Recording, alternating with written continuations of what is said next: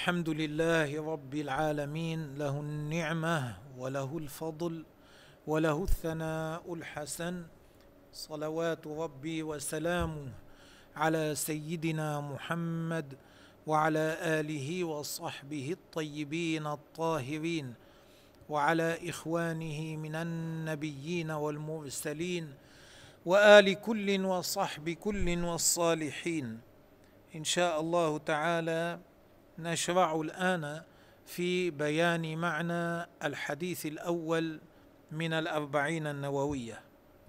الحديث الأول. هذا حديث صحيح متفق على صحته متفق على عظيم مرتبته على جلالته وكثرة فوائده. حتى قال الإمام الشافعي يدخل فيه ثلث العلم. وكذلك قال الإمام أحمد رحمهما الله تعالى لذلك استحب العلماء أن تستفتح المصنفات به لأنه متعلق بالنية تنبيها على تحسين النية وأن تكون لله تعالى عند افتتاح العمل. عن أمير المؤمنين أبي حفص عمر بن الخطاب رضي الله عنه. أمير المؤمنين لقب أطلق على الخلفاء. أول خليفة أطلق عليه لقب أمير أمير المؤمنين هو عمر بن الخطاب رضي الله عنه.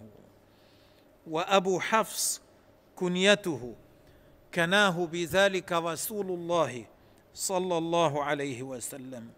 والحفص الشبل. أبو حفص أي والد الشبل. آه، كنيه كناه بها رسول الله صلى الله عليه وسلم.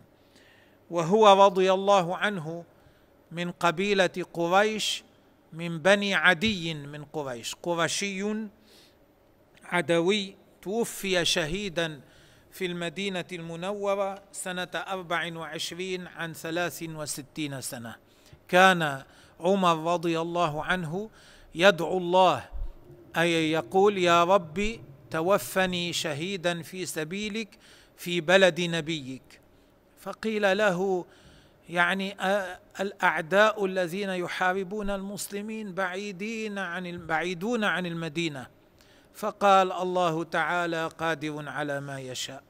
فكان كما قال قتل مظلوما قتله غيلة غدرا إنسان مجوسي فمات شهيدا في مدينة النبي عليه الصلاة والسلام. قال سمعت رسول الله صلى الله عليه وسلم يقول إنما الأعمال بالنيات. إنما الأعمال بالنيات فيه تأكيد. إنما الأعمال أؤكد فيه معنى التأكيد. إنما أؤكد أن الأعمال بالنيات والمراد بالأعمال الأعمال الشرعية بالنيات أي أن العمل لا يثبت شرعا لا يكون في الشرع معتبرا إلا بالنية. إنما الأعمال بالنيات أي لا يعتبر العمل شرعا إلا بالنية المعتبرة الصحيحة. الأعمال أيضا عندما نقول إن لما قال النبي عليه الصلاة والسلام إنما الأعمال بالنيات الأعمال جمع جمع تكسير دخلته ال فدل على العموم يعني كل عمل كل الأعمال الشرعية لا تكون معتبرة إلا بالنية. والنية لغة القصد والمقصود هنا المراد هنا توجه القلب نحو الفعل ابتغاء لوجه الله امتثالا لأمره. فيكون التقدير إنما اعتبار الأعمال بالنيات. إنما الأعمال بالنيات أي إنما اعتبار الأعمال بالنيات. فما خلا عن النية لا يكون معتبرا شرعا. الله. وهذا يدل هذا الحديث فيه دليل على أن الطهارة الوضوء والغسل والتيمم والصلاة والزكاة والصوم والحج والاعتكاف وسائر العبادات كلها لا تصح إلا بالنية. نعم إزالة النجاسة لا تحتاج إلى نية لأنها من باب التروك. إزالة النجاسة مثل الترك. أما الوضوء والغسل والتيمم والصلاة ونحو ذلك كلها لا تصح إلا بالنية. أما الترك فلا يحتاج إلى نية وقد قام الإجماع على أن إزالة النجاسة لا يحتاج فيها إلى نية. امضي. وإنما لكل امرئ ما نوى. آه. إنما الأعمال بالنيات يعني أن اعتبار الأعمال بالنيات. وإنما لكل امرئ ما نوى يعني أن تعيين المنوي شرط هذا معناه. يشترط في العمل تعيينه.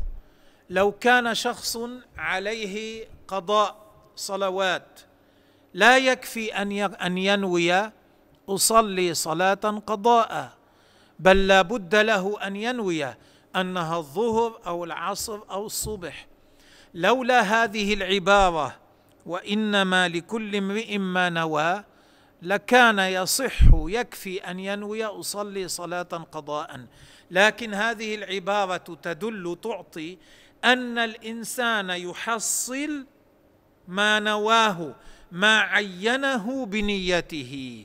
فإذا نوى أن يقضي العصر وصلى تكون الصلاة التي صلاها قضاء للعصر. إذا نوى أن يقضي الصبح وصلى تكون صلاته التي صلاها قضاء للصبح. وهذا كله إنما الأعمال بالنيات وإنما لكل امرئ ما نوى. يدل على أن ما يحصله المرء هو ما نواه. إن كان محمودا أو غير محمود. إن خيرا فخير وإن شرا فشر. ويعلم من هذا أن العادة إذا انضمت إليها النية يمكن أن تصير طاعة يعني يمكن أن يثاب عليها. وذلك مثل الأكل. إذا انضمت إليه نية التقوي على طاعة الله يكون فيه ثواب. مثل الشرب الأمر نفسه. كما حصل مع المرأة التي قالت للنبي عليه الصلاة والسلام إني نذرت إن ردك الله سالما من الغزو. يعني أن أضرب بالدف بين يديك. ضرب الدف ليس طاعة لكن لما كانت نيتها بهذا إظهار الفرح برجوع النبي عليه الصلاة والسلام سالما الفرح به عليه الصلاة والسلام قال لها النبي صلى الله عليه وسلم اوفي بنذرك فكان فعلها طاعة وإنما كان طاعة بسبب النية التي انضمت إليه. أيضا يعرف من هذا يعني ويشبه هذا التطيب. إذا نوى به السنة كان له ثواب. إذا نوى به غير ذلك إذا نوى به السنة أن يدفع الرائحة الكريهة عن غيره من عباد الله لأن النبي عليه الصلاة والسلام أمر بذلك كان له ثواب. أما إذا كان مقصوده التلذذ به فقط فلا ثواب له لأنه لكل امرئ ما نوى لا يحصل من العمل إلا ما كان نواه. إن نوى به الثواب حصل الثواب. إن لم ينوي الثواب لا يحصل الثواب بذلك. نعم امضي. فمن كانت هجرته لذلك ينبغي للإنسان أن يتنبه في أعماله كلها في كل أعماله. ينبغي للإنسان أن يتنبه أن ينظر ما قصده ما نيته لماذا يفعل هذا الفعل لماذا يصلي لماذا يدفع الزكاة؟ لماذا يصوم؟ لماذا يعلم؟ لماذا يتعلم؟ هل له من ذلك مقصد دنيوي؟ أو أن مقصده من ذلك طاعة الله؟ أم أن مقصده من ذلك طاعة الله تبارك وتعالى؟ إذا كان مقصده الدنيا ينبغي أن يصلح شأن قلبه. وأن يصلح نيته وأن يجعل نيته لله. يعرف من ذلك أن الإنسان بسبب عدم تفقده لقلبه يضيع منه ثواب عظيم كل يوم.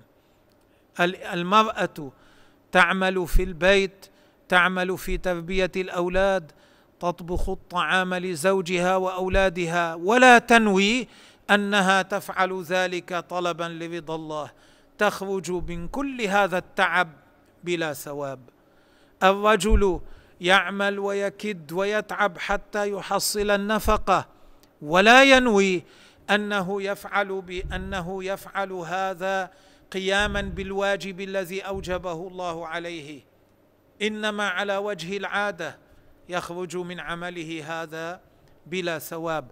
وهكذا أعمال كثيرة يرى إنسانا فقيرا يمد يده إلى جيبه فيعطيه المال. لا ينوي أنه يفعل ذلك طاعة لله. ليس أنه يعطيه لأن النبي أمر بذلك لأن الله أمر بذلك. لا إنما فقط لأجل الشفقة التي حصلت في قلبه. ولا يخطر بباله أنه يفعل ما أمر الدين به. يخرج من عمله هذا بلا ثواب. وهكذا أشياء كثيرة إذا لم يفطن الإنسان لها ولم يتفقد قلبه عندها ولم ينوي النية الصحيحة معها النية المناسبة معها مع كون هذه الأعمال حسنة في أصلها يخرج منها بغير ثواب لأنه لم ينوي النية المناسبة لأن الأعمال بالنيات ولأنه لكل امرئ ما نوى فمن كانت هجرته إلى الله ورسوله من كانت هجرته من حيث النية والقصد إلى الله ورسوله. من كانت هجرته إلى الله ورسوله نية وقصدا. من كان قصده بالهجرة أن يرضي الله تعالى وأن يطيع الرسول عليه الصلاة والسلام. فهجرته إلى الله ورسوله. تكون تقع هجرته حكمها أنها هجرة مقبولة تكون هجرته إلى الله ورسوله. نعم. ومن كانت هجرته لدنيا يصيبها. من كانت هجرته لأجل دنيا يحصل عليها يقصد الحصول عليها. أو امرأة ينكحها. أو هاجر لأجل امرأة يريد أن يتزوجها. فهجرته إلى ما هاجر إليه. لا تكون هجرته مقبولة عند الله. لأن حكم هجرته هل هي مقبولة أو لا هل هي طاعة أو لا يدور مع نيته وقصده. في وقت من الأوقات كانت الهجرة فرضا على المسلمين. أن يهاجروا إلى المدينة المنورة كان فرضا على القادر أن يهاجر إلى المدينة المنورة نصرة للدين نصرة لرسول الله صلى الله عليه وسلم. يقول النبي عليه الصلاة والسلام من كانت هجرته إلى الله ورسوله من قصد بهجرته مرضاه الله وطاعة رسوله فهجرته هذه تكون مقبولة. أما من كان له بهجرته قصد آخر فلا تكون هجرته مقبولة عند الله. وهذه العبارة إلى الله من كانت هجرته إلى الله وما شابهها وردت في نصوص عديدة جاءت للتعظيم مثلا قال الله تعالى إخبارا عن سيدنا إبراهيم أنه عن قول سيدنا إبراهيم إني ذاهب إلى ربي سيهدين. وكان إبراهيم في العراق ذهب إلى الشام. لكن بما أن ذهابه كان فرارا من أرض الكفر إلى أرض بارك الله فيها عبر فقال إني ذاهب إلى ربي أي إلى الأرض التي باركها ربي. فتكون عبارة إلى ربي في مثل هذا للتعظيم. في لغة العرب يستعمل هذا. ليس كلما استعمل إلى فلان أو إلى الله أو إلى كذا يكون معناه الانتقال من مكان إلى مكان. لا كما في هذا الحديث الذي مر معنا من كانت هجرته إلى الله ليس معناه أن الله سبحانه كان في المدينة وأن المهاجر هاجر من مكة إلى مثلا إلى المدينة حيث الله موجود حاشا وكلا. الله موجود بلا مكان هو خلق الأماكن لا يحتاج إليها ولا يحلها. إنما المعنى تعظيما لأمر الله. من قصد طاعة الله من كانت هجرته إلى طاعة الله تبارك وتعالى. فاستعمل لفظ إلى الله للتعظيم. كما في الآية التي ذكرناها إني ذاهب إلى ربي سيهدين. وكما في قول الله تبارك وتعالى إخبارا عن سيدنا عيسى ورافعك إلي يعني إلى رفع عيسى رفع إلى السماء. معناه إلى المحل المكرم عندي المشرف عندي الذي لم أعص فيه. مثل هذا يكون في لغة العرب. وبهذا المعنى جاء الحديث الذي ذكرناه. من كانت هجرته إلى الله ورسوله. نعم. رواه إمام المحدثين. أبو عبد الله محمد بن إسماعيل بن إبراهيم بن المغيرة بن بردزبة. وهذا الحديث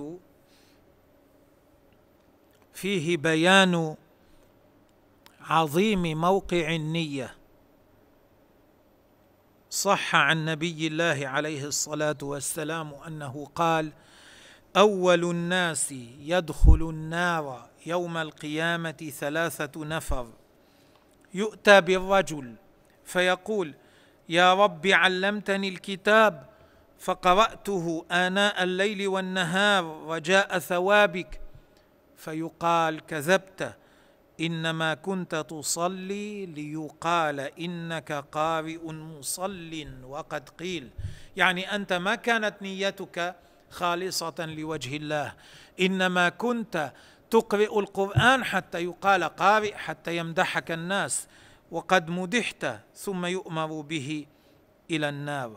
يؤتى بآخر فيقول رب رزقتني مالا فوصلت به الرحم أعطيت أقاربي المحتاجين وتصدقت به على المساكين وحملت ابن السبيل رجاء ثوابك وجنتك. فيقال كذبت كلامك ليس صحيحا. إنما كنت تتصدق وتصل ليقال إنه سمح جواد حتى يقال عنك كريم. وقد قيل اذهبوا به إلى النار. ثم يجاء بالثالث يؤتى بالثالث. فيقول يا رب خرجت في سبيلك فقاتلت فيك حتى قتلت مقبلا غير مدبر وجاء ثوابك وجنتك. فيقال كذبت. إنما كنت تقاتل ليقال إنك جريء شجاع وقد قيل اذهبوا به إلى النار.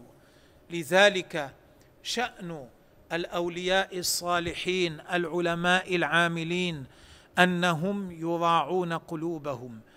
كان بعض فقهاء الشافعية يقال له عبد الملك بن إبراهيم الهمزاني من مدينة همزان. كان هذا الرجل إذا أراد أن يؤدب ولده قبل أن إذا أراد أن يؤدب ولده بالضرب أو غيره قبل أن يفعل يحدث نفسه يستحضر النية في قلبه يقول نويت أن أؤدب ولدي طلبا لرضا الله تبارك وتعالى يعني لا أفعل هذا لأجل الانتصار لحظ النفس. لا إنما أريد من ذلك ما أمر الله به من حسن تأديب الولد. ولده يقول أحيانا إلى أن يستحضر النية في قلبه أكون هربت. وذلك مراعاة منه لأمر النية حتى لا يكون فعله خاليا عن الثواب حتى لا يكون فعله خارجا عن القيام بطاعة الله تعالى حتى لا يكون عمله إلا فيه ثواب لله عز وجل. وهكذا ينبغي أن يكون الإنسان يراعي قلبه وما عندما يقوم بالأعمال حتى تكون أعماله مقبولة عند الله وحتى يكون مثابا عليها. إيه رواه رواه إمام المحدثين أبو عبد الله محمد بن إسماعيل بن إبراهيم بن المغيرة بن بردزب البخاري. هذا البخاري المشهور الإمام المشهور كان بين كان كان يقال له الجعفي لأن بينه وبين قبيلة يقال لها جعف ولاء كان ولاؤه لهم. لذلك كان يقال له الجعفي وإلا فأصله ليس عربيا لم يكن عربي الأصل. نشأ في عفاف وستر نشأة عجيبة في الإقبال على العلم وفي الطاعة رحمه الله تعالى. يقال إنه لم يضع حديثا في كتابه الصحيح إلا صل إلا صلى قبله ركعتين. كل قبل أن يكتب حديثا يصلي ركعتين. كل حديث هكذا فعل فيه رحمه الله. توفي قرب سمرقند في قرية يقال لها خرتنك وهناك قبره إلى الآن. بعدما دفن صارت رائحة الطيب تصعد من قبره فاجتمع الناس على قبره أياما ثم الحاكم منعهم من ذلك. خشي أن تحصل فتن فمنعهم من ذلك. رحمه الله تعالى. كانت وفاته سنة ست وخمسين ومائتين من الهجرة وكان سنه اثنتين وستين عاما. وأبو الحسين مسلم بن الحجاج بن مسلم القشيري. وأيضا رواه مسلم بن الحجاج القشيري نسبة إلى قشير بن كعب بن ربيعة قبيلة من القبائل بطن من من البطون. وكان مسلم من مدينة يسكن مدينة نيسابور. توفي سنة إحدى وستين ومئتين عن سبع وخمسين سنة. وكان عند البخاري كالتلميذ عند شيخه. كان أحيانا يقبل رجله عندما يسمع منه الفائدة ويسميه أستاذ الأستاذين. رحمهما الله تعالى وجزاهما خيرا. القشيري النيسابوري نعم. رضي الله عنهما في صحيحيهما اللذين هما أصح الكتب المصنفة. أصح الكتب المصنفة في جمع الأحاديث المرفوعة الصحيحة. لهما مزية البخاري ومسلم. حتى قالوا إذا أخرج الحديث البخاري ومسلم كلاهما فهذا الحديث في أعلى درجات الصحة. رحمهما الله تعالى. وقد أخرج هذا الحديث غير البخاري ومسلم أيضا. أخرجه الإمام مالك في الموطأ وأصحاب السنن الأربعة وغيرهم كثير. وكما ذكرنا قال العلماء يستحب أن تستفتح التصانيف به لما فيه من, من التذكير بشأن النية. ولذلك افتتح النووي أربعينه أربعيه بهذا الحديث. نسأل الله تعالى أن ينفعنا به وأن يرزقنا أن نقوم بالأعمال الصالحة بالنيات الحسنة. إنه سميع مجيب. والله تبارك وتعالى أعلم وأحكم.